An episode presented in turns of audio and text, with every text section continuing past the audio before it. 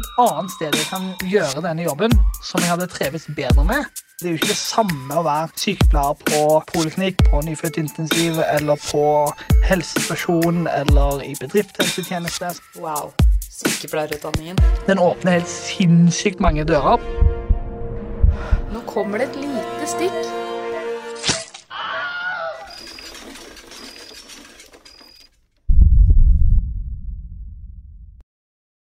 Kjære alle sammen. Aldri før har jeg brukt så mye tid og tankekraft for å formulere en innledning til ukas episode. Og når jeg bruker så mye tid, ja, da blir innledningen lang. Jeg har slått opp i Store norske leksikon og søkt opp ord som skjønnhet, estetikk og retrograd injeksjon. Jeg har lest i Norges lover, og sist, men ikke minst har jeg lest utallige debattinnlegg, sett på Dagsnytt 18 og andre TV-program som handler om tema for denne episoden, nemlig kosmetisk sykepleie. Noen mener det er hårreisende og uetisk at sykepleiere kan ha dette som levebrød, mens andre mener det er mye mer forsvarlig med tanke på pasientsikkerheten at det er en fagperson som skal drive en slik praksis versus en hvilken som helst person med interesse for estetikk og kosmetikk. Ja, uansett hva man synes om kosmetiske klinikker, så er det én ting som er sikkert. Prinsippet skjønnhet og velvære har kommet for å bli, og vi mennesker, og for så vidt også dyr, har alltid hatt et ønske om å se bra ut. Forfengelighet er da tross alt ingen dødssynd anno 2023. Ukas gjest heter Sara, er kosmetisk sykepleier, og i en alder av 24 år så eier hun jo ja, hele tre klinikker. Så uansett hvilken side man står på av denne debatten, så må jeg bare si det er utrolig imponerende, og jeg er veldig spent på å få høre om Saras gründereventyr, og hva hun mener om den pågående og kanskje evigvarende debatten om kosmetisk sykepleie. Velkommen så mye til studio, kosmetisk sykepleier og klinikkeier Sara Aasen. Tusen takk. Og hallo, Helene. Jeg gleder meg veldig til dette her. Ja, nei, dette, dette, er stas. Nå er det jo en stund siden vi begynte å, å skrive sammen mm. om vi skulle få til en episode, og nå sitter vi her. Ja, men tida går fort. Tida går veldig fort. Mm. Hvor har du reist fra i dag? Du, I dag kommer jeg faktisk fra Larvik. Larvik. Eh, ja, jeg har vært hos eh, ei venninne i helga, så da ble veien kort. Så litt, eh, litt kortere enn Kristiansand. Ja, For det er der du vanligvis bor? Yes. Jeg kommer eh, egentlig fra Mandal, eh, en time tre kvarter fra Kristiansand. Men har bodd i Kristiansand de siste seks årene. Mm -hmm. Skal vi kjøre på med tre kjappe, da? Ja, la oss gjøre det. Ja. Hva er sykepleie for deg? Ja, du, Sykepleie for meg, det er å vise omsorg. Det er eh, å vise forståelse og veilede med min kunnskap. Så ja, det handler om å bry seg, skape tillit. Eh, og da får du en gjensidig tillit fra pasienten. Mm. Hvorfor ble du sykepleier? Ja, hvorfor ble jeg sykepleier? Eh, litt tilfeldigheter. Eh, jeg jobba på Siste år på videregående så jobba jeg på hjem, eh, sykehjem. Så skulle vi egentlig ta et friår med min eh, samboer, da, etter, eller daværende kjæreste, etter videregående. Jeg skulle ta et friår i USA. Eh, bo på Hawaii et år og bare gjøre noe helt annet. Eh, men så oppstod det noe som gjorde at eh, vi ikke fikk reist allikevel. Så da var jeg litt sånn shit, hva gjør jeg nå? Eh, vil ikke ta friår i Norge, hadde ikke lyst til å bare jobbe. Så hadde Var det korona som oppsto? Nei, Nei det var det ikke. Det var, ja, det var bare noe på eh, ja, privaten. Ja, skjønner. Så eh, hadde heldigvis søkt meg, søkt meg, inn på sykepleien, da, eh, for man søker jo ganske tidlig på året. Eh, og alltid vært veldig glad i mennesker. glad i å, Visste jo når jeg jobba på sykehjem at det var veldig gøy å jobbe med mennesker der kunne hjelpe folk. Så da var det sånn Ok, men da hopper vi bare på det. Jeg hadde ikke søkt på noe annet, kun søkt på sykepleien. Kom jo inn da, eh, og så begynte jeg. Så det var egentlig, egentlig sånn jeg ble sykepleier, da. Ok, Nå vil jeg høre litt om eh, hva kosmetisk sykepleie er. Jeg vil høre om ditt eh, gründereventyr, og så skal vi etter hvert snakke litt om etiske utfordringer. Men mm. Eh, ja, først og fremst, da, hva er kosmetisk sykepleie? Ja. Kosmetisk sykepleie det er jo en bransje innenfor sykepleien hvor man jobber med kosmetiske behandlinger, hudbehandlinger, injeksjoner, laserbehandlinger. Så det handler jo, vi jobber jo mer med velvære og, og hudhelse, da ja, for meg så handler det om å være en støttespiller. Det å møte pasientene og kundene mine der de er i livet. Lytte på de sine ønsker og tanker. Eh, veilede de og rådføre de om hva som er en god behandling for de, og hva som ikke er en god behandling. Noen kommer kanskje inn med et ønske om en type behandling, og så er de, er de muligens ikke kandidater for det i det hele tatt. Så da er det jo noe med det å, og undervise dem om realistiske forventninger og, og hva man faktisk kan oppnå med, med de behandlingene vi tilbyr. Og òg mange kommer inn med plager de har slitt med hele livet, og eh, som kanskje hindrer de i diverse sosiale sammenhenger. Og så vet de kanskje ikke at det finnes noen behandling for dette. Eh, hvor man kanskje òg går litt over mer på de medisinske behandlingene, men som gir en utfordring for de kosmetisk. Mm. Så det er på en måte litt sånn todelt. Det ene er på en måte litt sånn skjønnhetsdelen, og den andre er på en måte litt mer velværedelen for de som har slitt med ting som er plagsomt og sjenerende. Mm. Hvilke ting kan det være? Altså, I min klinikk så har vi mye hårfjerning. Eh, laserhårfjerning. Mange som sliter med inngrodde hår, byller, eh, betente hårsekker. Vi har eh, mye pasienter som har PCOS, eh, som en hormonell tilstand. Eh, hvor man gjerne får mye hårvekst i f.eks. Altså, sånn ansikt. Polycystisk ovariesyndrom? Yes. Mm. Kanskje får man mye hårvekst i ansiktet, får en skjeggtendenser, mørke, stive hår. Eh, vi har kundepasienter som bytter kjønn, eh, som går fra mann til dame, f.eks. Eh, og da ønsker å, å bli mer feminin, da, og bli kvitt eh, litt mer de maskuline trekkene, hvor man får kanskje ha hårvekst eh, i ansiktet, bryst og, og mage. Mm. Mm. Og så er det den litt mer beauty-delen. da. Hva er det som er på en måte populært nå? Hva er det folk oppsøker dere for? Ja, du, det kommer litt an på eh, hvilken gren, da. Vi har jo innenfor ansikts- og hudbehandlinger så har vi jo mye kjemisk peeling, dermapenn. Eh, vi har jo mer sånn klassisk green peel, eh, litt mer sånn glow-behandlinger. Så har vi jo injeksjonsdelen, hvor eh, Botox er jo blitt veldig populært, og fillersbehandlinger. Og så har man jo selvfølgelig eh, flere ulike fillersbehandlinger. Fillers må ikke nødvendigvis være Restylane i leppene. En fillers kan også være en biostimulator, noe som gir en hudforbedring, sånn som Profilo eller skinboostere. Det er jo veldig populære behandlinger. Jeg vet ikke hva alle ordene betyr. Kanskje du kan forklare bare sånn de vanligste tingene, som Dermapen f.eks. Hva, hva er det, og hva brukes det for? Dermapen det er en form for microneedling. Eh, og microneedling det er nålbehandling eh, hvor man skaper en kontrollert skade på huden. Man initierer ikke noe direkte, men du lager, du lager en skade sånn at huden skal reparere seg sjøl. Stimulere kollagen og eh, ja, skape oppstramming, kan jobbe mot aknearr. Eh, fine linjer, rynker. Generelt en bedre hudforbedring, tykkere, tykkere hud. Eh, så det er en veldig populær behandling. Og Dermapen er da et, et merke innenfor microneedling. En leverandør. Så, og den mest populære leverandøren i Norge. Er det den som ser rett og slett ut som en liten penn som man driver og tar rundt i ansiktet? Det er det. Ja. Kan man bruke det på kviser, eller er det for kvisearr? Altså, det er litt sånn omdiskutert om man skal bruke det på kvise eller ikke. Eh, jeg ville aldri brukt det på cystisk akne eller veldig betente kvise. Eh, man ønsker ikke å skape en stor irritasjon der, eller liksom fremme flere bakterier. Eh, med at du kan spre ja, innholdet videre på huden. Leverandørene sier at det kan brukes på kvise, at det kan gi en forbedring på kvise, men der er det alltid en individuell vurdering. Ja, og da kommer jo sykepleierdelen din inn, så da skjønner Mm. du Ja. når det kanskje ikke er lurt. Ja, så det handler jo litt om det kliniske bildet. Mm. se helheten, snakke med pasienten. Eh, hva kommer dette av? Har du oppsøkt lege? Eh, har du gått på noen medisiner? Det er liksom å kjenne sine egne begrensninger òg. For vi kan gjøre en viss grad, eller vi kan Vi kan utføre en viss behandling og gi et visst resultat, men i noen tilfeller så er det bedre å oppsøke lege, da. Mm. Rett og slett. Mm. Hvordan fant du ut at det var kosmetisk sykepleier du ville bli? Eh, når jeg gikk på sykepleien, jeg, det var vel når jeg gikk siste året, så, så begynte jeg å bli litt nysgjerrig. Det begynte å bli litt mer normalt, litt mer kanskje akseptert òg i Norge, å utdanne seg innenfor det. Jeg har alltid vært veldig interessert i eh, hudhelse, skjønnhet, velvære. Jeg har alltid syntes det har vært veldig gøy, da. Så reiste jeg på et kurs i New York eh, innenfor estetisk medisin, hvor du fikk litt sånn ja, du fikk litt, litt av alt da på dette kurset. Og da var jeg veldig, sånn, det ble veldig inspirert. Synes det var veldig, veldig gøy, for det er veldig, bransjen utvikler seg hele tida.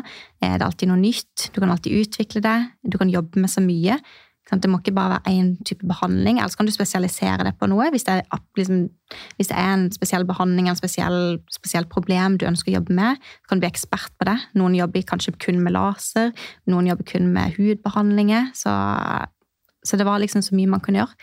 Um, og så når jeg var ferdig på sykepleien, så begynte jeg å undersøke litt i forhold til utdanningsinstitusjoner, og ja, endte da opp med å ta videreutdanning, og så fikk jeg jobb.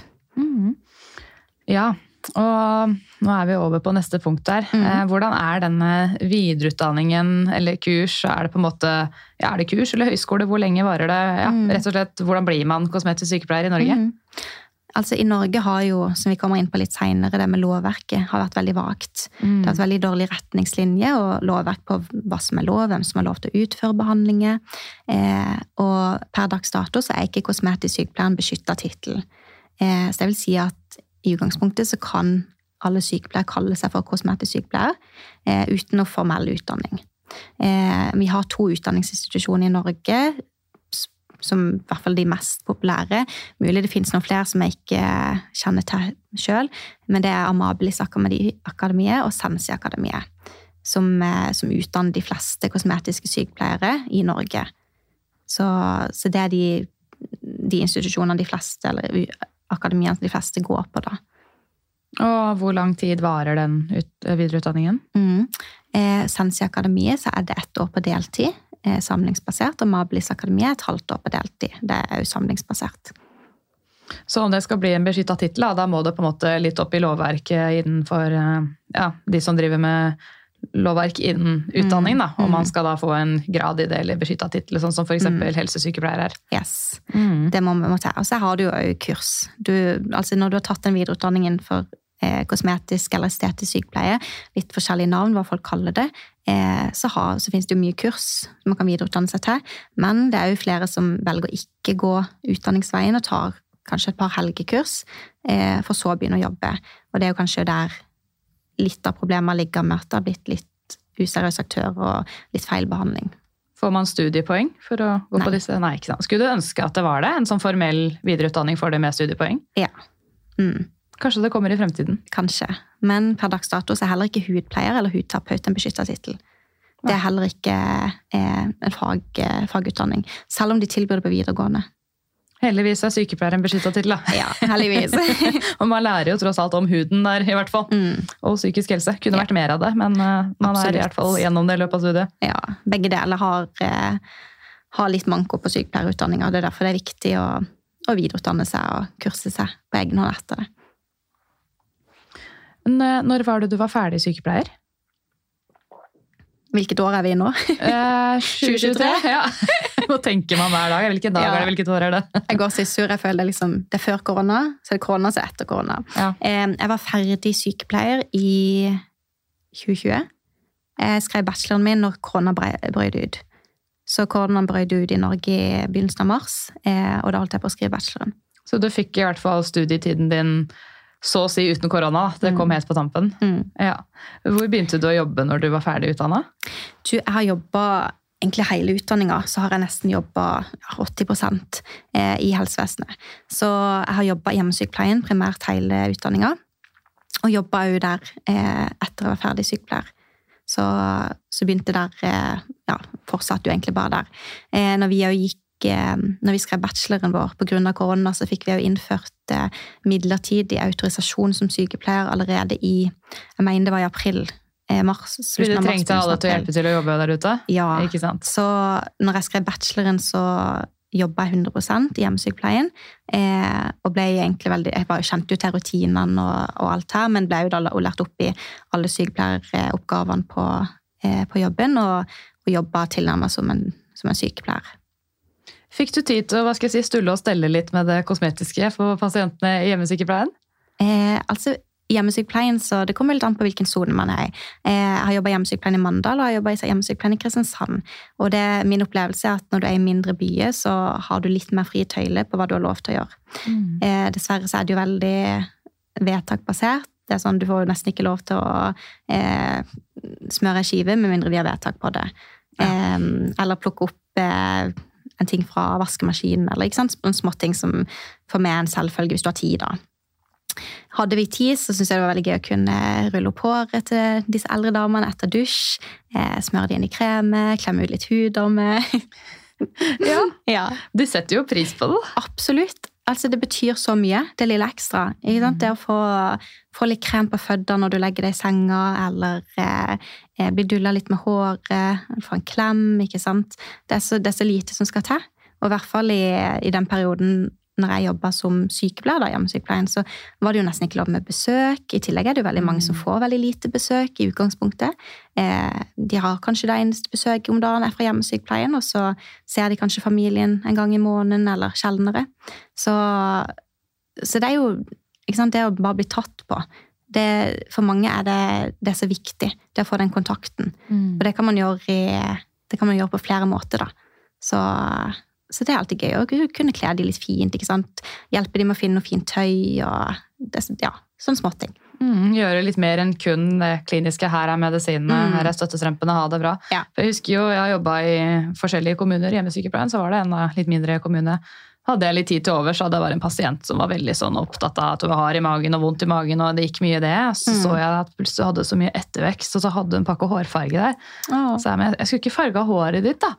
Kan du det? Ja, jeg har tid. Så, hun, hun blei så glad, og det blei en helt sånn annen dame. Ja. I hvert fall noen uker etterpå, før hun var tilbake til selv. Ja.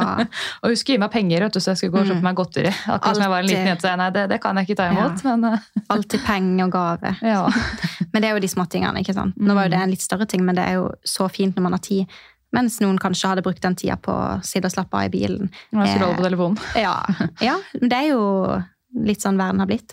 Når jeg jobba i Mandal, så eh, spesielt på sommeren, da, eh, var vi ofte ferdig, si vi slutta på jobb klokka tre, og så hadde vi kanskje siste pasient eller beboer da, eller eh, eh, klokka, rundt klokka ett, og da fikk vi lov til å gå og ta med de som var oppegående, så ta de med ut på tur.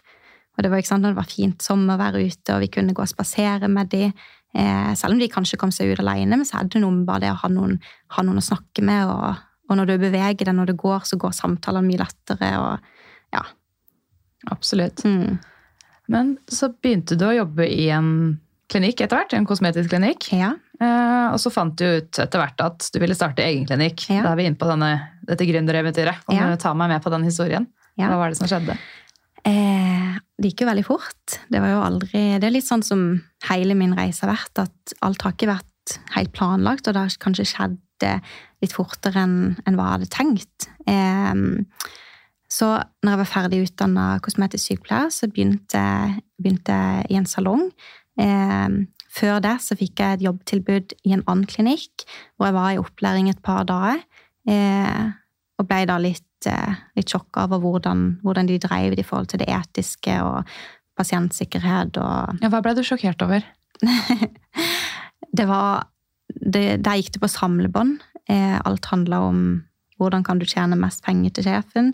Eh, og det sa han veldig tydelig på intervjuet. Var sånn, han var veldig ærlig om det. Eh, men når man ønsker å jobbe i en bransje som ikke er så lett å få jobb, så tenker man at man gir det et forsøk, bare for å få seg litt erfaring. Men så veldig fort da når jeg kom på, på opplæring, at uh, her vil ikke jeg risikere min, min tittel og min, uh, ja, mitt rykte, da. Så uh, så at mine verdier ikke samsvarte med de sine verdier. Eh, så fikk jeg jobb på en annen salong, en veldig fin salong, hvor jeg fikk utvikle meg og eh, begynte i bransjen, da. Men fikk jeg litt sånn ønske om å starte for meg sjøl, for jeg så litt Jeg begynte å tenke litt hvordan kan jeg gjøre det enda bedre, da? Hvordan kan jeg ta det veldig negative som de, den første klinikken gjorde, gjøre det motsatte, eh, og ta med meg både positivt fra den, det andre stedet jeg hadde jobba på, og forbedre de tingene som jeg så at, at man kunne gjøre enda bedre for å, for å gi en helhetlig behandling og, og sette kunden og pasienten i fokus. Jeg bare skyte inn et spørsmål. Eh, På den klinikken som det var litt ja, mye å ta tak i, da. ja. Kunne de på en måte finne, finne på å si sånn Å, du skulle ikke bare gjort den og den behandlingen nå, da? Jeg ser at du kan trenge litt sånn og sånn. Holdt de på sånn, liksom? Absolutt. Ja. Ja. Og det er jo òg, mens du er inne på det, da Det er jo noe vi er veldig nøye på hos Velberg, og det er aldri påpeke et kompleks som ikke er et kompleks til den som sitter foran deg. Så noen er jo litt mer, eh, kan du si, eh, forfengelige, og kan bli litt sånn Ja, hva syns du jeg trenger? Og det er et farlig spørsmål. Der skal man stoppe seg sjøl eh, og heller spørre hvorfor kommer du her i dag?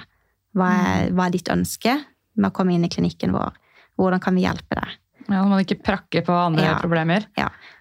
For det er sånn, De som husker Sex and the City, da, gode gamle fra 90-tallet, så er jo Samantha Jones eh, på en klinikk. Jeg husker ikke om det var fordi hun skulle ta en boobjob, eller hva det var. Så er det sånn What else can you do for me?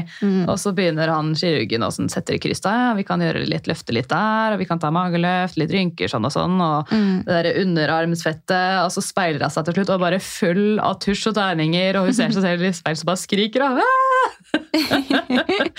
altså, Ja. Sånn vil man jo ikke ha det, håper jeg. Nei, absolutt ikke. Eh, og det er jo i mine øyne ikke forsvarlig heller. Det er jo ikke sånn man skal handle både som sykepleier og eh, selger.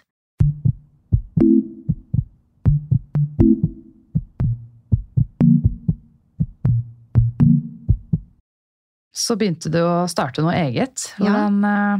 hvordan fikk du til det? Ja, eh, for det første så har jeg vært veldig heldig hele veien med å ha tatt veldig god støtte fra venner og familie. Eh, jeg har en samboer som eh, er veldig dyktig når det kommer til dette med forretning og forretningsutvikling. Eh, jeg er litt mer visjonær. Jeg, er sånn, jeg vet hvordan jeg vil ha det, men kanskje ikke helt hvordan jeg utfører alt. Så han er litt sånn ok, nå må vi skrive en forretningsplan, vi må lage et budsjett. Og jeg var sånn budsjett. Hvem sa det? Faren din? Nei, min samboer. Samboer, ja. eh, hvor han var litt mer ok, vi må ha, vi må ha alt på stell. Vi må vite at hvor, hva må vi gjøre for vi kan oppnå det. Hvordan kan vi holde oss i drift? Eh, hvordan får vi det til å gå rundt? Hvordan følger vi Og selvfølgelig dette med å følge lovverket. Det har vi jo vært veldig nøye på helt fra begynnelsen av. Eh, så kommer jeg fra en gründerfamilie. Min far han har drevet bedrift siden jeg var seks år. Fem eller seks år. og hvor han har drevet eget firma. Eh, så har jeg jo lært mye av han, fått mye tips av han på veien. Eh, og så er det litt Mange tror at, at man må vite alt, og man må kunne alt for å starte for seg sjøl.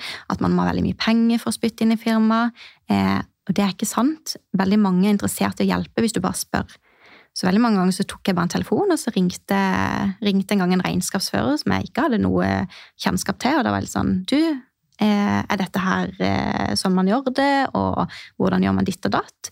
Og da er veldig mange interessert i å hjelpe. fordi at folk er jo mennesker, de òg. Og de vet jo åssen det er å, å ikke kunne noe. Og, og når de kan bidra med sin kunnskap, så, ja, så opplever jeg at folk, eh, folk er interessert i det. da. Jeg kjenner meg igjen, fordi Mhm. jeg kunne ingenting om podkast før jeg begynte å lage podkast. Jeg kunne ingenting om eh, produksjon, det tekniske, jeg ante ikke, så jeg bare meldte Jeg søkte opp podkast på Facebook, så fant jeg en podkastgruppe. Bare Hei, jeg har lyst til å lage podkast, det skal handle om det og det. Er det noen som har noen tips? Og folk strømma inn med tips, og plutselig ble jeg satt i kontakt med folk og leverte en pitch og fikk studio. Jeg bare, herregud, det er så hyggelige folk her. Ja, og, og hvis man bare tør, ikke sant, Mm. så, så blir man overraska over eh, hvor hyggelig og hjelpsom folk kan være. Absolutt. Jeg Mm. tror mange sitter med mange gode ideer og har Mm. lyst til ting og kunne gjort det bra, men så nei, men jeg tør ikke. Jeg Mm. vet ikke åssen jeg skal gjøre det. Det er ukjent, det er skummelt, det er ja, Mm. ukjent farvann. Jeg holder meg på trygg havn. Og så får man kanskje ikke brukt potensialet sitt. Da. Og nå sier jeg ikke at alle må starte noe eget og alle må bli gründere, men dersom man har lyst, gi det et forsøk. Mm. Og hva er det verste som kan skje? Det, det går bare, hvis ikke det går, så går det ikke. Men da er man jo man er her jo fortsatt, og man har jo andre muligheter. Ja, det er jo litt sånn Enten så går det bra, eller så lærer du noe, Ja. tenker jeg da. Og da har du i hvert fall prøvd. ikke sant? Da går du ikke og erger deg hele livet. Hvorfor gjorde jeg ikke det? Hvorfor bytta jeg ikke jobb? Eh, hvorfor tok jeg ikke den videre- videreutdanninga? Man er sjøl ansvarlig for å ta det valget og ta det steget. Det er ingen som kommer til å pushe deg. Absolutt. Men ja, du fikk litt hjelp fra folk rundt deg. eh, Men så hvordan fikk du på en måte tak i lokalet og fikk folk til å begynne å jobbe for deg? Og... Mm. Eh, når jeg, jeg begynte å se på lokalet på Finn, da eh, og Jeg var jo ung, og jeg er jo ung ennå. Eh, og der, men jo, så er du ikke sånn dame. Ikke sant, Den janteloven, og du har litt sånn tanke i hodet om hva folk tror, da. Eh, så jeg å se på lokalet, og fant et som så hadde potensial, da. Eh, avtalte visning, og så husker jeg, for jeg har ikke bil, så husker jeg skulle sykle til visninga. Det syns jeg var litt flaut. Så da, hadde, da parkerte jeg sykkelen noen kvartal unna, og så gikk jeg hen. Så hadde jeg visning med en, eh, en mann da fra dette, han var forvalter bygget. Eh, og da var han litt sånn, ja, da jobba lenge, da hadde han mange kunder, kunder, bla, bla, bla. Eh, og jeg hadde ikke, hadde ikke jobba så lenge heller som kosmetiksykepleier, men da var jeg sånn, ja, du, jeg har jobba noen år, eh, og vi har stor kundegruppe, og kjørte på. Jeg hadde jo en kundegruppe, men ikke, ikke kjempestor kundegruppe ennå, med faste som, kunder som kom regelmessig. Så, Sånn, fake it to make it. Sånn liten hvit løgn. Og han fikk godt inntrykk av oss og hva vi ønska å drive på med. Eh, hadde jo en visjon på hvordan vi ønska at klinikken skulle være. Så landa vi den avtalen eh, fem eller seks måneder før vi åpna. For dette Eh. var en som leide ut lokaler til forskjellige businessgreier? Ja, det var, det var en utleiemegler, da. Så han forvalta bygget til Eller de leide ut bygget til de som eide det, da. Så han jobba primært med utleie av av næringsbygg. Mm. Så tok bare kontakt og ja, ordna seg, da. Eh, og så hvordan jeg fikk folk til å jobbe med. Eh, når jeg starta opp, så Eller når jeg skulle starte opp, så var det sånn åh, skummelt, jeg tør ikke gjøre dette her helt alene. Eh, så da spurte jeg min mor, eh, som er utdanna hjelpepleier, for hun tok utdanninga si før det ble helsefagarbeider. Eh, når det heter hjelpepleier. Eh, så var jeg sånn åh, mamma. For jeg visste at hun var lei av turnuslivet, og de jobba på samme sted i mange år. Eh, jeg kunne tenkt seg å gjøre noe annet, men visste liksom ikke helt hva. Eh, det var sånn, kunne du tenkt deg å starte opp med meg? Eh, du kan jobbe med dette her, du kurser deg innenfor dette, så jobber jeg med mine behandlinger. Eh, og så får du, ikke sant, Kommet deg inn på en, en ny bransje, som jeg visste jo hun har alltid vært eh, interessert i sminke og gått på diverse kurs i forhold til hudanalyse og makeup og solgt litt sånn type, ikke Mary Kay, men du vet.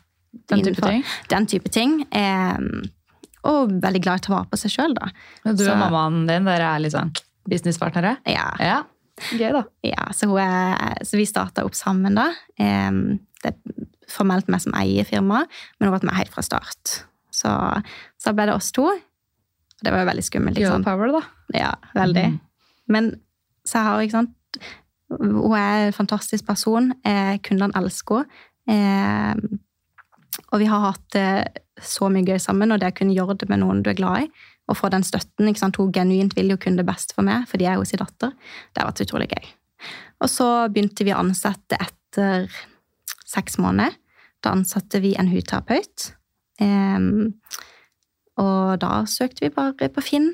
Eh, la ut annonse på finn.no og nav.no. Tok inn på intervjuet. Eh, så hvem som kunne være en match til oss, da.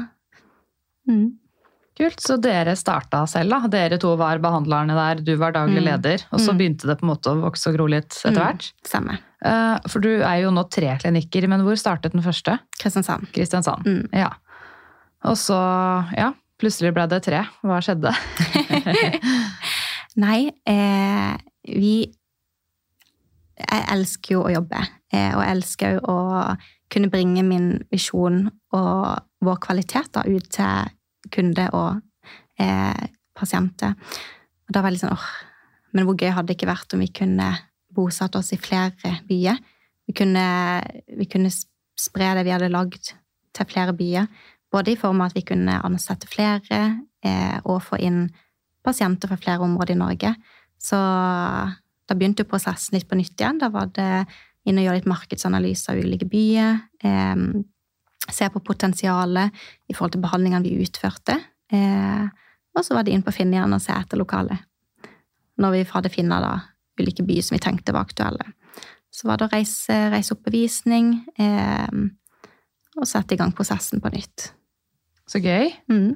Og så regner jeg med det har blitt brukt en del sosiale medier for å markedsføre. Det er jo Mhm. sånn man må gjøre. Selge sjela si litt i sosiale medier. Jeg gjør det selv. Ja. ja. Og det er jo mitt beste tips da, for noen som ønsker å starte noe for seg sjøl. Det er organisk trafikk. Eh, Starte en Instagram-konto, TikTok. Bare kjempeskummelt. Kjempeukomfortabelt å skal stå og snakke foran kamera. Eh, Men så er det, vil du nå ut til folk, og bare begynne et sted. Så det var jo sånn jeg begynte før jeg startet for meg sjøl. Når jeg jobbet på en klinikk, så var det sånn jeg fikk inn primært nesten alle kundene mine. Det var jo asosiale sosiale medier. Så, og det er jo noe vi bruker eh, mye på velbehag nå. Eh, bruker mye Instagram og Facebook. Ja, For det er navnet på klinikken. Velbehag klinikk. Ja, Velbehag medisinsk hudklinikk. Mm. Det er det. Så sosiale medier har, er veldig bra for merkevarebygging. Og så er jo selvfølgelig etter det, er jo det, Før det er jo det viktigste word of mouth, eller jungeltelegrafen. Det vil jo alltid eh, trumfe hvordan folk har opplevd behandlingene, opplevd klinikken. Så, men sosiale medier er en fin måte hvor du kan få eh, pasientene og kundene inn første gang, og så er det jo opp til det å få de til å komme tilbake igjen når de faktisk kommer inn i klinikken. Og skape seg et godt rykte. Ja. Det ser ut som dere har fått mange stjerner, da. Jeg har vært og snoka litt på hjemmesiden, så det virker Ja. som folk er fornøyde hos dere. Ja, vi er ekstremt nøye på kundeservice. Og ingen toleranse for dårlig, dårlig behandling av de som kommer inn i klinikken. Det er målet at alle skal sitte igjen med en god opplevelse. Så bra. Mm. Eh, Hva er på en måte klinikkens visjon? Ja, vi har, vi har en visjon om å, om skaper eh, økt trygghet både for eh, terapeutene som jobber hos oss, og for kundene og pasientene innenfor bransjen. Ja. Jeg kan jo si ordrett det som står på nettsiden deres. Mhm. Jeg syns det var litt fint. Ja. Der står det Jeg vil skape trygghet og ha gode terapeuter og samarbeidspartnere. Vi vil øke kunnskapen i bransjen og bidra til at den blir tryggere. Dette er en bransje hvor det foreløpig er stilt for lite krav til kompetanse. Og med det så tenker jeg at vi kan gli inn på denne diskusjonsdelen om det etiske lovverket og alt det der. Jeg tenker at jeg kan egentlig dra inn NSF sine yrkesetiske retningslinjer her. Det er da yrkesetiske retningslinjer nummer seks, som heter Sykepleieren og samfunnet. Og da står det Sykepleieren deltar aktivt i den offentlige debatt og bidrar til at faglige og etiske vurderinger legger til grunn for sosial- og helsepolitiske beslutninger. Så here we go. Som jeg sa i innledningen, så har det jo vært mye ramaskrik egentlig rundt eh, estetiske og kosmetiske klinikker.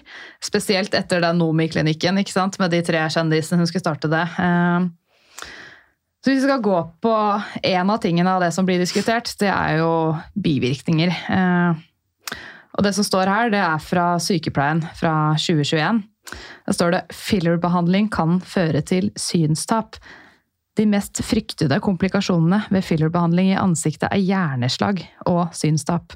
Selv om disse komplikasjonene er svært sjeldne, må de ikke undervurderes, da det er meget alvorlige komplikasjoner av en behandling som mange betrakter som unødvendig og uten medisinsk nytteverdi. Det, det er beskrevet 146 tilfeller i verden av komplett eller delvis synstap om komplikasjon av fillerbehandling. Det er imidlertid grunn til å tro at omfanget av alvorlige bivirkninger er underestimert. Så kan man jo også da få allergiske reaksjoner, man kan få infeksjon, nekrose. Da lurer kanskje noen på hvordan i all verden kan en filler i leppa gjøre meg blind. Og det som er greia med det er at Hvis man treffer en liten blodåre i en arterie, som da går videre opp til øyet, så kan det tette seg med sånn filler-klumper. Uh, ja. Og Før så var det jo ikke noe krav til egentlig kompetanse. Da kunne hvem som helst gjøre det her. Eh, og da er det ikke dermed sagt at det kanskje blir rapportert inn til riktig instans. Så at 146 tilfeller i verdensbasis hører ikke så mye ut, men mest sannsynlig var det mer. Ja, Er det noe man lærer om på videreutdanning for å bli kosmetisk sykepleier? Disse sjeldne, men alvorlige komplikasjonene? Mm. Det er jo absolutt noe man har eh, undervisning om. Eh, både i hvordan kan du forebygge det, hvordan kan du behandle en komplikasjon. Eh, og sånn som du beskriver nå, både synstap og hjerneslag er jo de mest frykta komplikasjonene fra en behandling. Og absolutt noe vi prøver så mye, så, så godt vi kan å unngå. Har du noen gang hørt om noen som har fått noen av disse bivirkningene? Nei. Jeg har jo selvfølgelig lest om det. Lest eh, ulike forskningsartikler og eh, caser hvor dette har skjedd. Men per dags status er det ikke noe rapporterte tilfeller i Norge. Det er bra. Og så kan man da spørre seg alle dager er det krav om kunnskap og anatomi for å sette fillers. Det bør det jo være, men ikke den gangen i 2021, for da var det ikke krav om at man verken skulle være helsepersonell eller eh, noen aldersgrense for kundene for den saks skyld. Fordi eh, fillers, da, som jeg har lest meg opp, det er noe som heter hyaluronsyre. Så er det riktig? Hyaluronsyre, ja. Ja, så å si riktig. Ja. Eh, og det er jo ikke et legemiddel, det er det jo Mattilsynet som regulerer. Mm. Eh, og da kunne jo da den gangen hvem som helst bare bestille det inn og drive praksis. Mm. Det er, det er litt skummelt. Mm, veldig. Og du kan fremdeles bestille det på nett. Eh, man kan bestille det fra Kina, fra eBay, eh, ulike nettsider fra Storbritannia. Så kan man få det tilsendt hjem. Shit. Altså, det det står videre om i denne artikkelen er at man har i kadaverstudiet funnet ut at behandlerens injeksjonstrykk typisk overgår pasientens systoliske blodtrykk, noe som dermed muliggjør retrograd embolisering av injektatet. Og retrograd er jo da at Det betyr at det går ut igjen og en, en annen vei. Ikke sant? At man da tetter seg. Og hvis man da ikke har eh, utdanning, da, så tror jeg ikke man tenker på å, nå må jeg passe på at ikke trykket på injeksjonen skal overstige det systoliske blodtrykket. Mm. Er det noe dere tenker på? Hvor hardt dere presser inn ting? Mm. Så bra. Absolutt. Og det er jo flere eh, forhåndsregler man kan ta for å prøve å unngå eh, å injisere piller i en arterie. Ja, få Mm. høre. Hva gjør dere for å unngå, Ja. unngå dette? Ja. Em, det viktigste er jo ikke behandle de områdene som er i høy risiko i forhold til å få eh, det med blindhet. Eh, så vi unngår jo øvre del av ansiktet. Vi behandler ikke med filler i nese, glabella eller panne. Det er jo de områdene eh, hvor de fleste tilfeller med blindhet har blitt rapportert. Eh, mye rapporterte tilfeller i Asia, for i Asia er det veldig populært å behandle med filler i disse områdene. Eh, så vi velger derfor ikke behandle eh, hos velbehag. Da sier vi, henviser vi, da sier vi at de må oppsøke en lege, men vi, lege, men vi anbefaler ikke. Eh, og da forteller vi jo litt hvorfor, hvorfor ikke vi anbefaler det. Så det er jo det sikreste du kan gjøre, er å ikke behandle områdene. Og så er det jo selvfølgelig komplikasjoner som kan oppstå på andre områder, som er mindre risikofylt, men du kan fortsatt få en komplikasjon mer sjeldent. Eh, og det vi gjør da, det er at vi bruker noe som heter en kanyle i nesten alle behandlinger. Og en kanyle det er en nål som ikke er spiss. Eh, og en, du bruker gjerne en større tykkelse på, på ja, 25G, 22G, ikke sant, tykkelsen på nåla. Ikke, jo tynnere nåla er, jo, jo fortere er det at du kan komme inn i en arterie. Så hensikten da med en kanyle det er jo at eh, hvis du skulle treffe en arterie når du går inn under under huden, så er hensikten at når ikke den er spiss, at den ikke skal klare å penetrere gjennom arteria. Så dere tar en buttnål Yes. i stedet for? Yes, det er en buttnål. Eh, I tillegg så går ikke filleren ut forfra i spissen, og går ut fra sida. Eh, og jo tykkere den nåla er, jo, jo vanskeligere er det å komme inn i arteria. Så, så det er jo noe vi bruker i, i alle Velbag sin klinikker. Og det er noe alle kosmetiske sykepleiere bør bruke eh, når de injiserer filler. Mm. Og så er det jo det å hele tiden observere området, eh, deponere filleren sakte, følge med på pasienten som ligger foran deg, spørre de underveis hvordan går det, er det noe som er veldig ubehagelig, eh, ser du noe rare hudfarge når du holder på? Eh, ja, alt dette her, så det kliniske bildet da, følge med på. Og så er det jo det å kjenne anatomien, vite hvor arterien i hovedsak ligger hos de fleste. Selvfølgelig så varierer du fra person til person, men man har et sånn bilde på, på hvor de skal ligge da. Og da er det jo, hvis du er et område hvor du vet at det her er et litt høyere risiko, så er man ekstremt forsiktig. Pasientene blir informert om disse Ja, risikoene? yes. Ja, så bra. Mm. Ok, Så det virker som dere tar alle forhåndsregler dere kan ta. Mm. Men dersom faren likevel skulle inntreffe, da, det verste Ja. skulle skje, har dere noe hva skal jeg si, beredskapsplan? Ja, det har vi. Eh, og da har vi jo slags, eh, hva kan du si, sånn emergency box da. Vi har alltid hylase på, på lager, og hylase det, eh, hylase det er et legemiddel som løser opp eh, proteinbindingene i, fillere, i filleren. Eh, som da løser opp filleren. Så skulle man få deponert eh, filler enten intravaskulært eller ekstravaskulært, det vil si at du kan også få en eh, vaskulær okklusjon med å injisere filler utenpå en arterie. Hvis han ligger og trykker oppå arteria, så vil du fortsatt kunne få en okklusjon, eh, som er det mest vanlige. Det skal veldig mye til å initiere filler direkte i en arterie. For arteriene er små, og du skal være, sant, det å klare å injisere der skal mye til. Eh, så det vanligste er å få en ekstravaskulær okklusjon, hvis man først får en okklusjon. Eh, og da løser man opp med hylase umiddelbart, og så setter man litt andre legemidler, kontakter lege. Eh, så det har vi protokoll på, da. Mm. Har dere en egen lege på klinikken, eller ringer dere legevakta hvis om dersom? Du, når du driver med injeksjonsbehandling i Norge, så er du pålagt å ha en ansvarlig lege. Sånn som Botox og hylase er jo legemidler, og for at vi sykepleiere kan sette det, så må, trenge det en resept. Du må ha en individuell vurdering på hver pasient. Så da er vi tilknytta ansvarlig lege. Så bra. Vi blar videre i denne blekka mi med notater? Du har en eh, fancy rosa PC, jeg har eh, papirer. vi har det litt forskjellig, det er fint det. Ja, Fordi alt det vi lette opp i stad, og hvor det sto at da oh, kan hvem som helst gjøre dette. Eh, Nå er det slutt på at hvem som helst kan sette kosmetiske injeksjoner, står det fra Avisa Oslo 2022. Det er da fra mars i fjor. Står det et flertall på Stortinget vedtok tirsdag innstramninger i helsepersonelloven og pasient- og brukerrettighetsloven som innebærer strengere kompetansekrav og aldersgrense for kosmetiske injeksjoner. Og det vil da si at kosmetiske inngrep som kan skade eller gi sykdom, det skal utføres av helsepersonell ifølge helsepersonelloven paragraf 4a. Sjekket opp selv, og det stemmer. Det står også at det nå er 18-årsgrense for fillers og Botox den type injeksjoner, da, uten medisinsk odontologisk begrunnelse, ifølge helsepersonelloven paragraf 4b. Og så er det en uttalelse fra han Karim Saeed, du kjenner kanskje til han? Mm. Styrelederen i bransjeforeningen Norfem, altså Norsk forening for kvalitet i estetisk medisin. Han sier da i en eh, pressemelding at dette er viktig, et viktig vedtak som bedrer pasientsikkerheten. Han sier lovverket har vært svært mangelfullt, og det er bra at Stortinget nå setter en stopper for at hvem som helst kan utføre kosmetiske inngrep. Han sier også det har vært fritt frem for useriøse aktører å tilby disse behandlingene, og konsekvensene har dessverre vært flere tilfeller av alvorlige skader som infeksjoner, betennelse og nekrotiske sår. For den seriøse delen av bransjen, sånn som deg, Sara, så står det at uh, dette har ikke bare vært et omdømmeproblem, vi har også måttet hjelpe mange med å reversere eller korrigere infeksjoner som har satt feil. Har du vært med på å måtte hjelpe noen som har gjort noe et useriøst sted?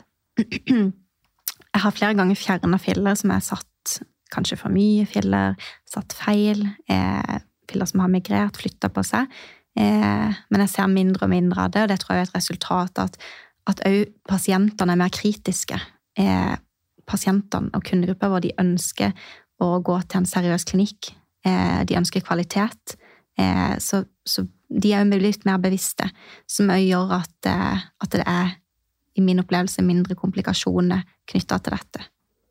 Men det må jo være litt digg for dere som driver seriøs bransje, at de useriøse nå mm. Eller det kan jo godt hende de fortsatt eksisterer og jobber svart, mm. men da er det i hvert fall ulovlig. Mm. Det er det, og det er utrolig bra at det har blitt strengere eh, regulering rundt det. Jeg syns fortsatt det kunne vært enda strengere. Sånn som du sier, så er det alle helsepersonell har lov til å utføre det. Og det er ikke sant, sykepleier, eh, helsesekretær, helsefagarbeider, tannhelsesekretær, alle med et HPR-nummer kan per dags dato eh, sette fillers.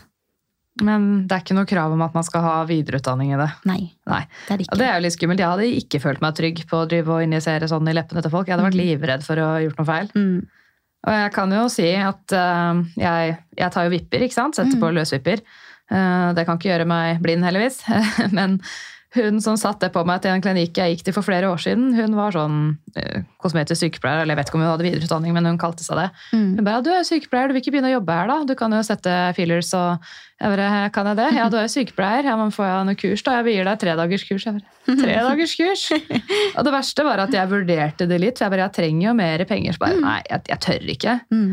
Men hun var også sånn, ja, jeg kan anbefale deg eh, å dra til utlandet hvis du vil få bedre utseende. Da kan du gjøre sånn alt-i-ett-kirurgi, hvor de tar fettsugning, og de gjør deg boobjob, og de fettsuger lår og sånn og sånn. Det er kjempebillig. Så viste du meg en sånn Facebook-gruppe for sånn type luksuskirurgi i utlandet. Og det verste var at jeg bare Ja, kanskje jeg skal gjøre det? Så jeg bare nei, herregud, nå holder jeg på å bli gæren, tenkte jeg. Det, det nei. Så jeg, ja, jeg, jeg slutta å gå til henne, og jeg, jeg tok et oppgjør med meg selv Ja. siden jeg begynte, å, jeg begynte faktisk å få de tankene at kanskje, kanskje jeg skal gjøre det. Det er Uff. veldig trist at det, at det finnes behandlere der ute som opptrer på den måten. Ja. Mm. Nei, da, da, nei det, det satt noen griller i hodet mitt, faktisk, det, det besøket der. Ja. Ok, så det er bivirkninger av det her, eh, men har man god kunnskap, eh, så er det mindre fare for bivirkninger. Nå er det et lovverk, men så er det jo den diskusjonen om det er riktig om sykepleiere skal drive med skjønnhetspleie, da. Så da er det jo et innlegg i Sykepleien igjen, fra lege Henrik Vogt, Senter for medisinsk etikk. Det her er fra september 2022, etter den debatten om Nomi-klinikken. Og han kaller det her for en faglig kvi, kvise, sier jeg. og det er da en, En- faglig en stor krise. krise. En stor kvise. Da sier faget blir tvilsomt, og sykepleiere som trengs til ekte sykepleie, i anførselstegn, de rømmer til kosmetikken, som fyrer opp under eh, sykepleierkrisen, og sykepleierfaget lekker som en sil til kosmetikken, og han sier liksom er dette god sykepleie? Mm. Det viktigste, viktigste problemet med kosmetisk sykepleie er at det muliggjør en samfunnsutvikling der krav til utseende øker. Idealene er til dels noe som kun kan oppnås ved bruk av tjenestene de kosmetiske eh, folka eller aktørene tilbyr. Kosmetisk sykepleie er dermed med på å skape et marked av uhelse, som den så tjener penger på. Ja, hva, hva tenker du om de uttalelsene? Eh, altså, jeg forstår jo hvor han kommer fra, fra et perspektiv at vi trenger helsepersonell. Eh, og det gjør vi jo, men vi trenger jo en endring innenfor eh, eh, helsetjenesten i Norge. Og det å utføre kosmetisk sykepleie, det er jo et valg man gjør. Eh, og jeg mener at hvis du er i bransjen for de rette grunnene, fordi at du faktisk ønsker å gjøre en god jobb, og du ønsker å hjelpe pasientene dine, og utføre det på så etisk, etisk mulig måte. Så etisk som bare mulig. Begynner du å få krøll på tunga? da? Nå ble det bare krøll, nå ble det bare krøll her. Det er lov. Alle får litt krøll på tunga hos meg. Ja. Hvis du har gode verdier og utfører behandlingene så etisk som mulig, eh, så er det jo ditt eget valg. Man kan jo velge å slutte som sykepleier og gjøre noe helt annet.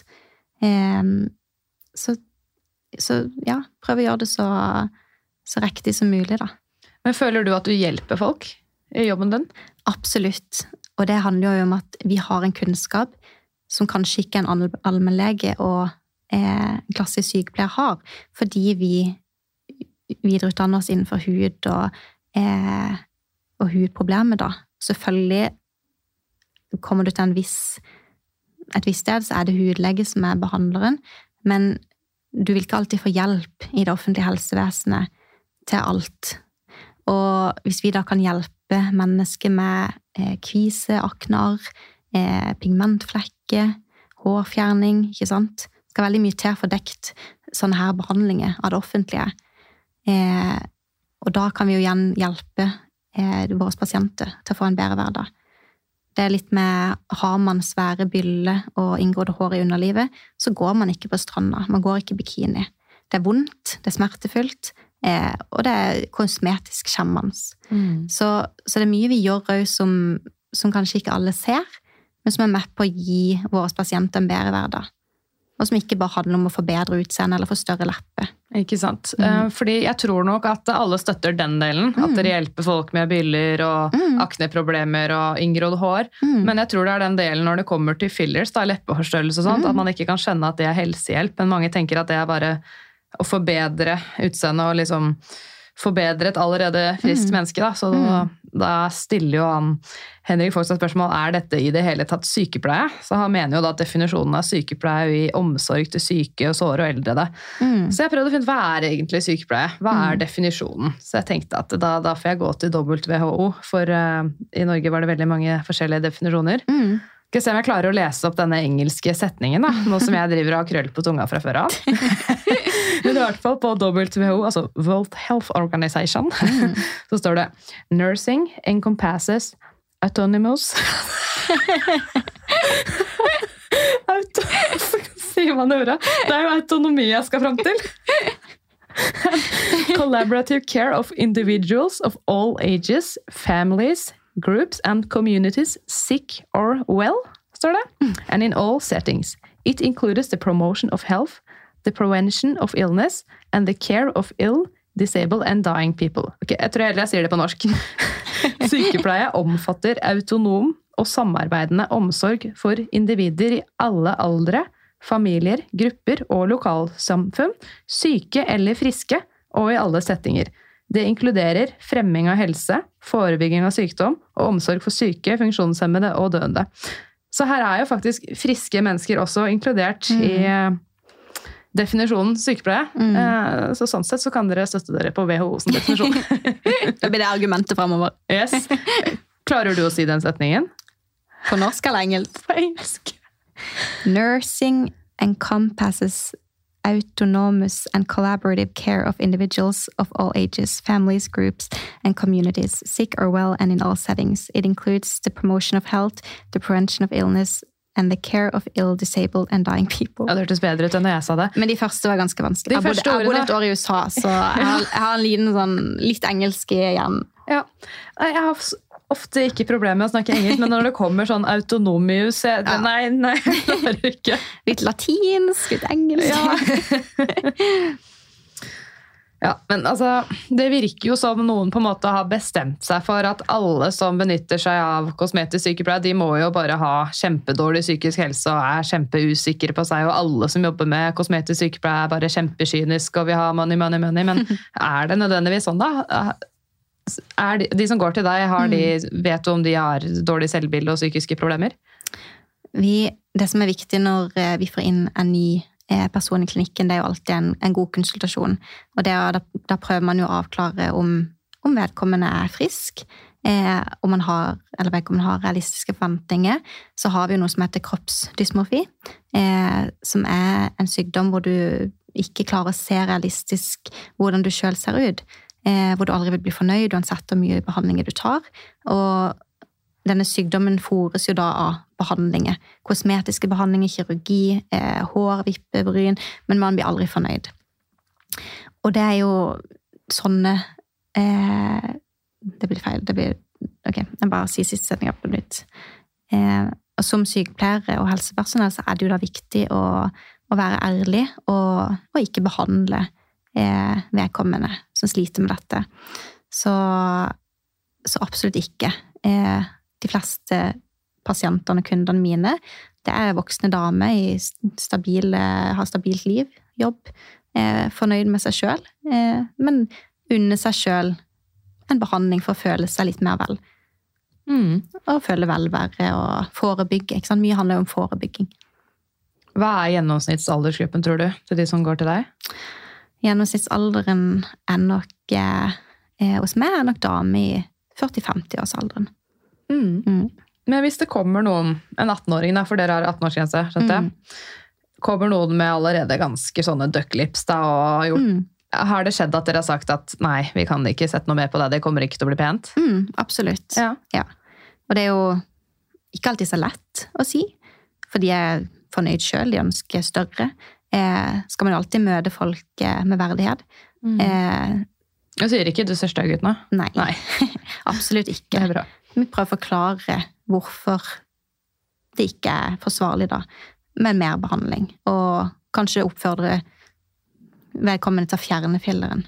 Eh, så mye, mye handler om veiledning og det å være ærlig, eh, gi informasjon, eh, skape et eh, realistisk bilde. Av og til bare se litt helheten, da. Mm. Mm. jeg må bare si det der med at det har kommet aldersgrense, det syns jeg er så bra. Mm. Fordi en undersøkelse da, som Redd Barna gjorde i 2018, den viser faktisk at 68% av unge jenter eh, skulle gjerne ha endret noe på utseendet. Og det er på en måte unge jenter helt ned til 12-årsalderen. Mm. Så om jeg hadde fått tilbud om fettsuging da jeg var 12, med så dårlig selvbilde jeg hadde, så hadde jeg sagt ja på dagen. Og det, da blir det en gal verden. Drive og fettsuge tolvåringer. 12-åringer. Herregud.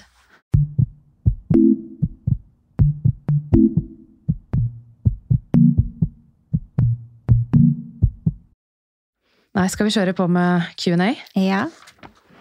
Hei, hvordan skiller dere på ufarlige pigmentforandringer og hudkreft? Mm. Eh, hos Velbehag så behandler vi ikke føflekker, vorter, brannskade eller utvekst i huden. Eh, det, er vi, det hender at folk kommer inn og spør om, eh, om vi kan fjerne diverse utstikkere på huden, og da, da henviser vi alltid til gå til fastlegen og be om en henvisning til hudlege. Eh, og det er litt med å kjenne, kjenne våre egne begrensninger og eh, ja, Mm. Ja. sende, heller sende de videre og, og ikke, ikke ta en avgjørelse sjøl. Mm. Mm. Så, og så handler det jo igjen om, alltid om det kliniske bildet. Sånn. Ser man noe som ser eh, unormalt ut, så gir man beskjed, eh, forklar hvorfor, eh, og ja, hvor, hvor man bør henvende seg. da. Lærer dere noe om det på den videreutdanninga? Mm. Ja, hva som kan se på en måte patologisk ut? Ja, man lærer jo om sant, blant annet føflekker. Eh, malignt mel- melanom er veldig vanlig i Norge, dessverre. Mm. Eh, og det er ikke alltid at man sjøl studerer kroppen sin på den måten. Eller at man ser alle. Man ser ikke ryggen sin sjøl hvis ikke man er i et parforhold. Eller kanskje ikke noen som vil lagt merke til det. Eh, så alltid det å, å ta et liksom, overblikk og eh, hva man skal se etter i forhold til f.eks. føflekker. da. Er det ikke en sånn huskeregel A, B, C, D, E eller noe? Mm. Husker du hva det står for? Eh, Asymmetri? Ja. Border? Color. Mm. Eh, Hva er det for igjen, da? og så er det jo noe med tykkelse. Ja. Men det er i hvert fall det. Men det, det viktigste er jo å se på sant, formen, om det har en ujevn form, form, om man vokser, fargene. Eh, stikker den ut. Det er ikke nødvendigvis noe negativt, det kan godt være helt normalt. Men er man i tvil, så alltid sjekk det. Mm. Mm. Så er det et spørsmål her, ja. Synes du kosmetiske sykepleiere gjør en like viktig jobb som andre sykepleiere? Vi har jo veldig forskjellige roller. Eh, så det handler jo litt om Her er det jo et, et stort skille på hva vi gjør. Eh, og en sykepleier som jobber med sykdom, vil jo alltid være høyere prioritet enn å jobbe med eh, velvære og kosmetiske behandlinger. Så man skal jo selvfølgelig alltid prioritere en kritisk eller alvorlig sykdom, og, eh, eller sykdom generelt, da. Mm. Hva er det mest spennende du, du har opplevd på jobb som kosmetisk sykepleier, og hva er det beste med jobben din? Um, ja. kommer jo litt an på om du tenker inn på behandlingsrommet, eller generelt innenfor eh, hva jeg har opplevd i yrket mitt. Eh, jeg syns det er veldig gøy og det med når man kan utvikle seg og dra på kurs og videreutdanning. Eh, jeg var nylig, før jul, så var jeg i USA. Da var, hadde jeg eh, litt kurs og observasjon på eh, noen klinikk i Beverly Hills i California. Veldig gøy å kunne komme inn og se hvordan de gjør det, og hente litt tips og inspirasjon fra de da. I tillegg så har jeg utført eh, behandlinger på, på ulike kjendiser. Det er jo litt kult, men eh, det beste med jobben min det er jo når jeg står inn på mitt behandlingsrom. Eh, da er jeg i mitt ess, når jeg kan eh, bruke min kunnskap og kompetanse. Når jeg møter mine pasienter som har gått til flere vært hos meg flere ganger og kommer tilbake og er fornøyd. De anbefaler meg til venner. Jeg får fine ord om ja, hvor, hvor godt det har vært for de da å komme til meg.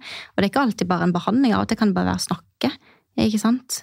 Eh, Av og til trenger man bare omsorg. Så, så, så det er det beste med jobben min, det å kunne møte så mange ulike mennesker og, og møte folk der de er i livet, da. Og, og bare være et medmenneske. Og så selvfølgelig elsker jeg jo å behandle, elsker jo å utføre behandlinger. Det, jo, det var jo derfor jeg ble kosmetikksykepleier, fordi jeg har et, eh, et veldig engasjement for, for bransjen og syns det, det er utrolig gøy å kunne gi gode resultater. Så bra. Ja, så er det det spørsmålet her, ja. Tenker du at du er et godt forbilde for unge på TikTok? Ja, det syns jeg faktisk. Og det er fordi at jeg jobber på TikTok, så jobber jeg informativt om bransjen. Jeg deler eh, om min hverdag som kosmetisk sykepleier. Eh, jeg deler ikke videobilder av injeksjonsbehandlinger på TikTok. Eh, jeg viser mulighetene man har dersom man ønsker å jobbe innenfor skjønnhetsbran- skjønnhetsbransjen. Både som sykepleier, sykepleier men også som hudterapeut. Hudbehandlinger, ansiktsbehandlinger. Eh, og jeg viser òg fram at man kan være en kvinnelig gründer. Man kan, eh, man kan klare å oppnå ting eh, i ung alder, og som dame, som jeg, som jeg brenner veldig for. Mm. Så. I tillegg bruker jeg mye tid på å svare på henvendelser jeg får fra TikTok. Folk som er interessert og lurer på ting, og ja, har bare spørsmål om bransjen generelt. Fint svar, det. Jeg bare kjører på litt, for jeg ser at vi er litt på overtid der. Det er Ja. sånn det blir her i studio hos meg. Yes. Føler du at du gir kundene dine bedre selvtillit? I så fall på hvilken måte? Mm. Det går litt inn i det vi har snakka om tidligere. Det å hjelpe dem med, med noe som de opplever som et problem eller en utfordring.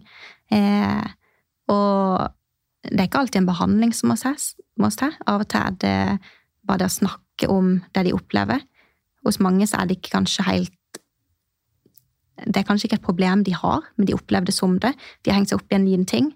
Og det handler om å ta et steg tilbake og fortelle litt om hvor normalt dette faktisk er. Ikke sant?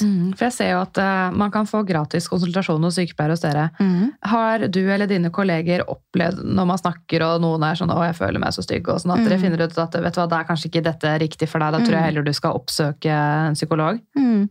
Eh, heldigvis har vi ikke vært borti noe så, en så drastisk situasjon, da. Mm. Eh, men mye handler jo om å informere om at, eh, at her må man jobbe med seg sjøl.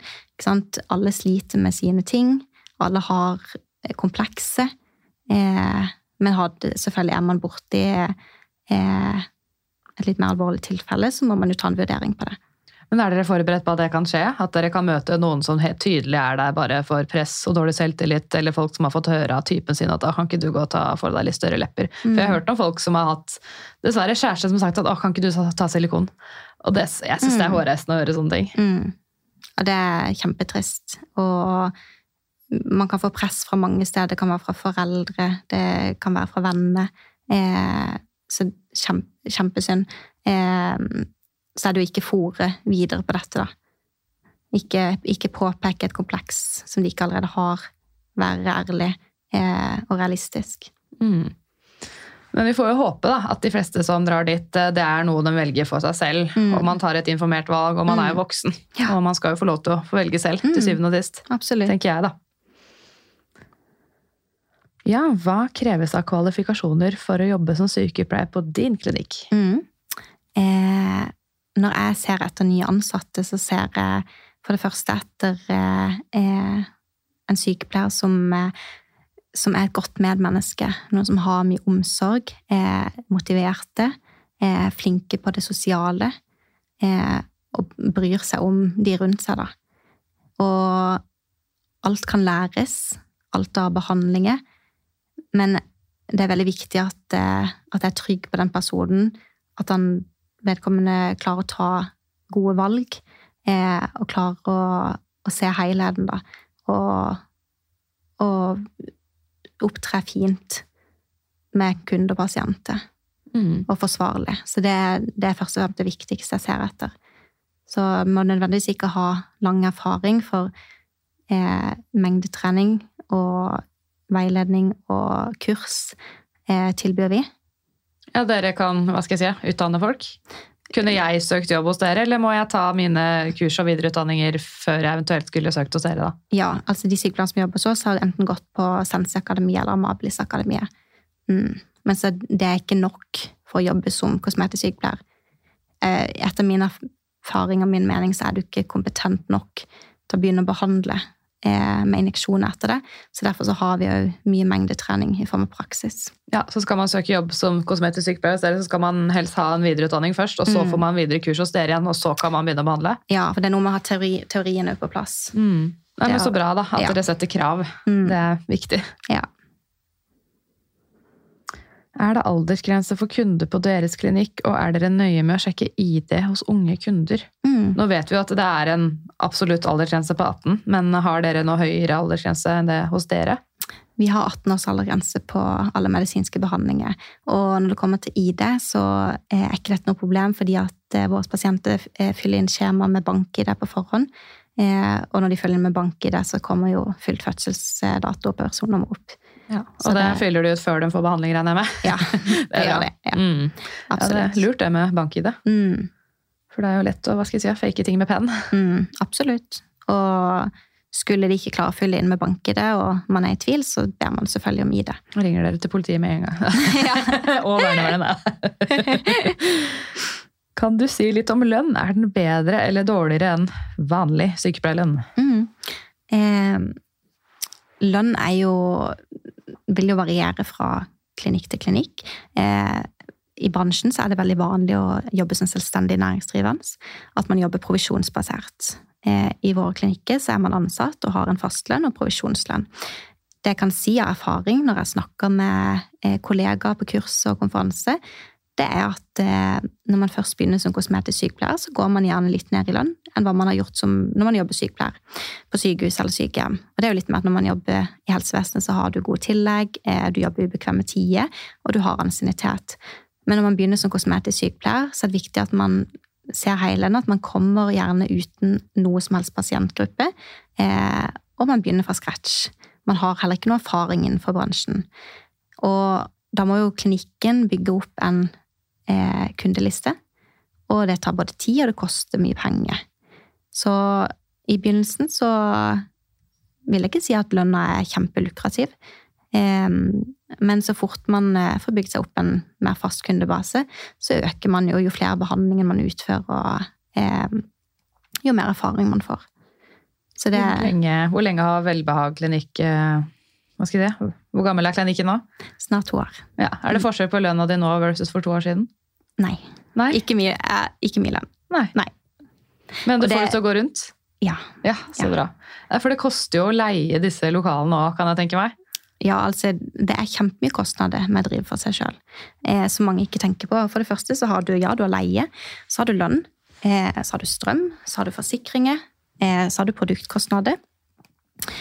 Så har du forbruksvare, eh, du har bookingsystem, du har terminal eh, som tar en prosent. Eh, så har du pensjonssparing, arbeidsgiveravgift. Det er veldig mye kostnader som man ikke tenker over som kanskje kan være vanskelig for, for folk å forstå, da. Så det er ikke sånn at når man utfører en behandling til flere tusen kroner, at man sitter igjen med store deler av kaka. Men det er mulig, da, hvis man jobber hardt over tid og får en god lønn. Absolutt, det er det. Eh, og det er jo målet òg. Man ønsker jo å kunne tilby så god lønn som mulig. Og så må man kanskje se litt på fordelene man får på det stedet man skal jobbe. Så hos oss så investerer vi veldig mye i den enkelte som jobber hos oss. Sender de på mye kurs. Det koster, ikke sant. Du skal fly, du skal ha hotell. Eh, kanskje kurset koster. Vi legger opp til mye praktisk trening. Eh, videreutvikling. Så, det, så det, du må se det litt, litt helhetlig, så slipper du å kanskje jobbe turnus, eh, ha gode arbeidstider, eh, andre fordeler på jobb. Så, så det er mye man må, man må veie opp da, når man velger om man vil ta skiftet fra klassisk sykepleier, som vi snakka litt om tidligere, til kosmetisk sykepleier. Ok, eh, Mange av spørsmål som er igjen, det har vi allerede svart på. Mm. Jeg tenker egentlig vi kan bare eh, skippe til siste spørsmål. Ja. Kan du si noe om hva som skal til for at du føler du har hatt en fantastisk dag på jobb? Ja. For jeg skal ha hatt en fantastisk dag på jobb, som jeg primært nesten alltid har. Eh, veldig sjeldent jeg går hjem og har eh, ikke føler meg bra etter jobb. Da. Men det som skal til, det er for det første at, eh, at jeg har godt samarbeid med mine kollegaer. At vi trives sammen på jobb og støtter hverandre. Vi jobber jo mye selvstendig når vi er på et behandlingsrom. Så det det å kunne se hverandre og, og hjelpe hverandre hvis man trengs innimellom. Og så er det jo selvfølgelig det at, eh, at jeg opplever at eh, mine pasienter og kunder har, eh, har fått en god opplevelse eh, og fått det de ønska, eller det de trengte da, når de kom til meg. Så, så det er det å ha god dialog. Jeg syns det er veldig veldig koselig når, hvis jeg har en dag med nesten bare faste kunder. For da kjenner du pasienten eller kunden litt bedre. Så snakker man litt om eh, ja, hvordan har det gått siden sist. Eh, Drepte du mannen din? Drepte du mannen din? Å ja, det er folk som krangler mye. Nei da. Eh, vi snakker litt? Det blir litt mer personlig. Du får en litt, du får en litt bedre relasjon, da, eh, som er utrolig gøy. Og så er det selvfølgelig gøy å møte nye, nye pasienter og eh, nye caser, nye utfordringer. Så, så jeg er veldig glad i, i det kliniske arbeidet, da. Jeg må jo si sånn, Når jeg går til frisøren, da herregud, de frisørdamene de vet om alt omtrent i mitt liv. Så får man litt sånn eh, terapi og Ja. beauty samtidig. Ja, Mm. det er veldig hyggelig. Og det viser jo at de òg stoler på meg og har tillit til meg. Så, så ja.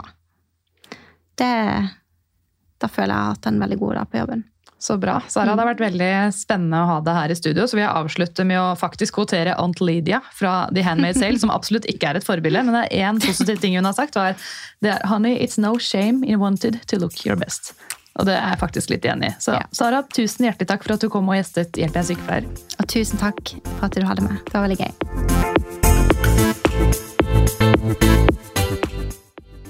Takk for at du hørte på Hjelp jeg er sykepleier. Hvis du likte episoden, blir jeg veldig glad hvis du vil dele den videre på relevante plattformer.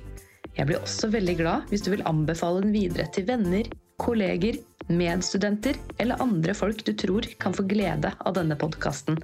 Hvis du vil få varsling neste gang det slippes en ny episode av Hjelp jeg er sykepleier, så er det bare å trykke på abonner-knappen her hvor du hører på podkast. Hvis du vil komme med ønsker for podden, eller gi meg tips eller tilbakemeldinger, eller bare følge meg og mitt podkasteventyr, så er du hjertelig velkommen til å følge Hjelp jeg er sykepleier på Instagram. Hjelp jeg er sykepleier er også på Facebook, men det er på Instagram det er desidert mest aktivitet. Der har du også mulighet til å stille spørsmål til Q&A til fremtidige gjester av podden. Du kan også sende meg en mail, og mailadressen til Hjelp jeg er sykepleier står beskrevet i hver episodebeskrivelse.